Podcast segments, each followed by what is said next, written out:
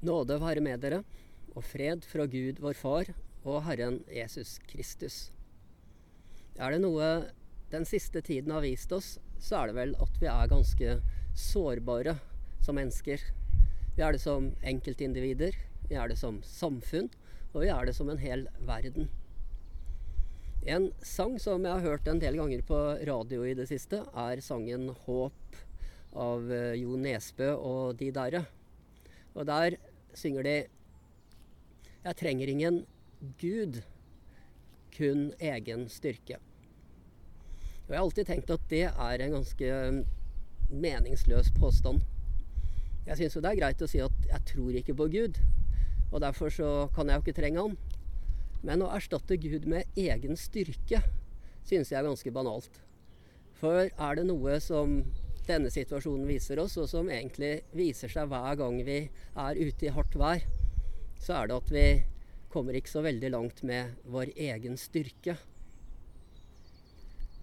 Jesus han sier om seg selv at han er den gode gjeteren, den gode hyrden.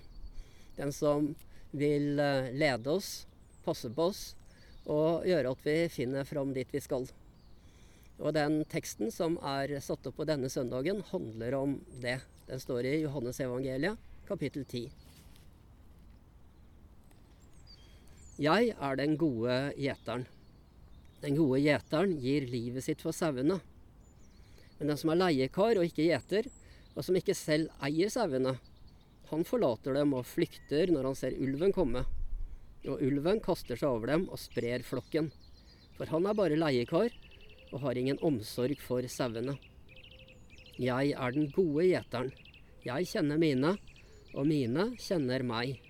Slik som far kjenner meg, og jeg kjenner far. Jeg gir mitt liv for sauene. Sauer har menneskene egentlig alltid hatt et forhold til. Sauer er ikke bare ålreite dyr, men det gir oss ganske mye. Sauer gir oss uh, ull til klær. Sauer gir oss uh, uh, melk, og sauer gir oss kjøtt. Så mennesker har alltid holdt sauer. Og i Norge så er det fortsatt mange sau.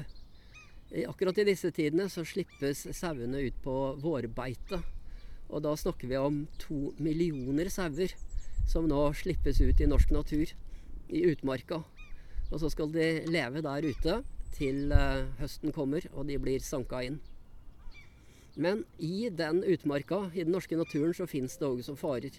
Der fins det rovdyr som uh, ulv og bjørn, jerv, gaupe og kongeørn. Og alle de dyrene, alle de rovdyrene, tar sau.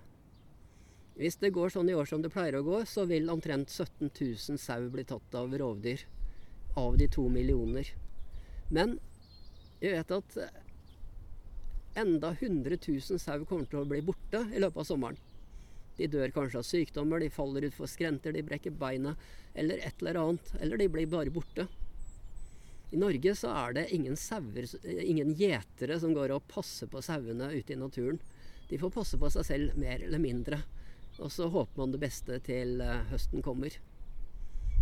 I Midtøsten der er det fortsatt eh, sånn at det er gjetere som går og passer på saueflokkene sine.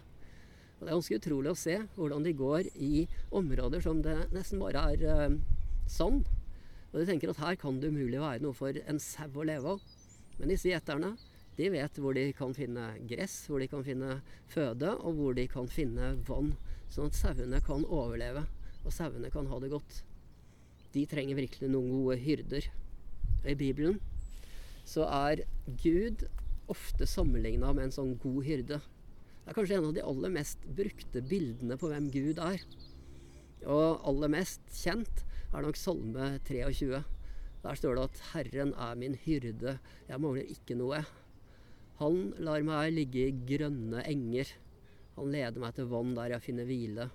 Han gir meg nytt liv. Som en del av dere veit, så har jeg en uh, engelsk uh, klubb jeg holder med, som er av de mindre suksessrike. Det må det innrømmes. Men de har et av de fineste supporterskjerfene jeg vet om. Jeg skal vise dere det. Og hvis dere ser hva som står her, så er det altså Salme 23. The Lord is my shepherd. Kjempefint. Og sånn er det at eh, når dette laget spiller kampene sine, og når man scorer, så setter alle fansen i å synge Salme 23. Herren er min hyrde, jeg mangler ingenting. Og det er ganske flott når du er på en kamp i England og det blir mål, og folk setter i å synge av full hals. Herren er min hyrde. I år så har det skjedd ganske ofte, for de har skåra 64 mål før serien ble stoppa. Eh, men jeg leste en gang en artikkel fra en av fansa til den klubben som skulle prøve å finne ut når var det egentlig man begynte å synge dette, og hvorfor gjør man det? Og han fant ut at det er ingen som vet. Ingen vet når de begynte å synge 'Herren er min hyrde', og ingen vet hvorfor man begynte å synge. En eller annen gang bare skjedde det, og siden har man sunget det hver gang man scorer mål. I den artikkelen så skriver han én ting. At aldri har det vært viktigere enn i de virkelig mørke årene.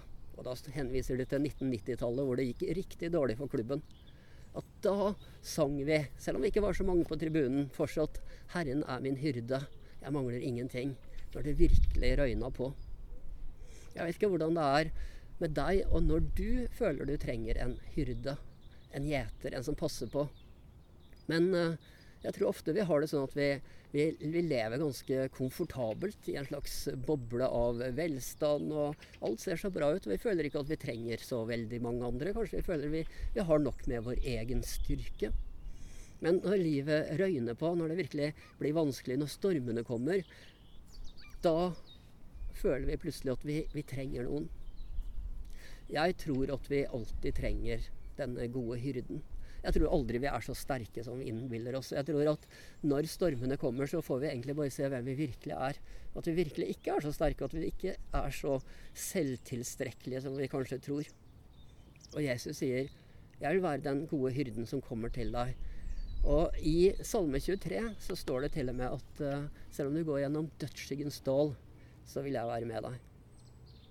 Dødsskyggens dal, det må være det mørkeste og tyngste stedet vi vandrer i i livet vårt. Og da vil ikke jeg svikte dere, sier Jesus. Jeg vil være med. Han sier ikke at du skal slippe å gå der. Akkurat han ikke sier at du skal slippe å gå gjennom ørkensand eller ha tider da det er vanskelig å finne det vannet du trenger. Han sier 'jeg skal være med deg uansett'. Og ikke bare sier at han vil gå sammen med deg gjennom dødsskyggens dal, men han har faktisk allerede gått gjennom den dalen for deg. 'Jeg gir livet mitt for sauene', sier Jesus. Og det er det aller viktigste. Han er den som har gitt livet for deg.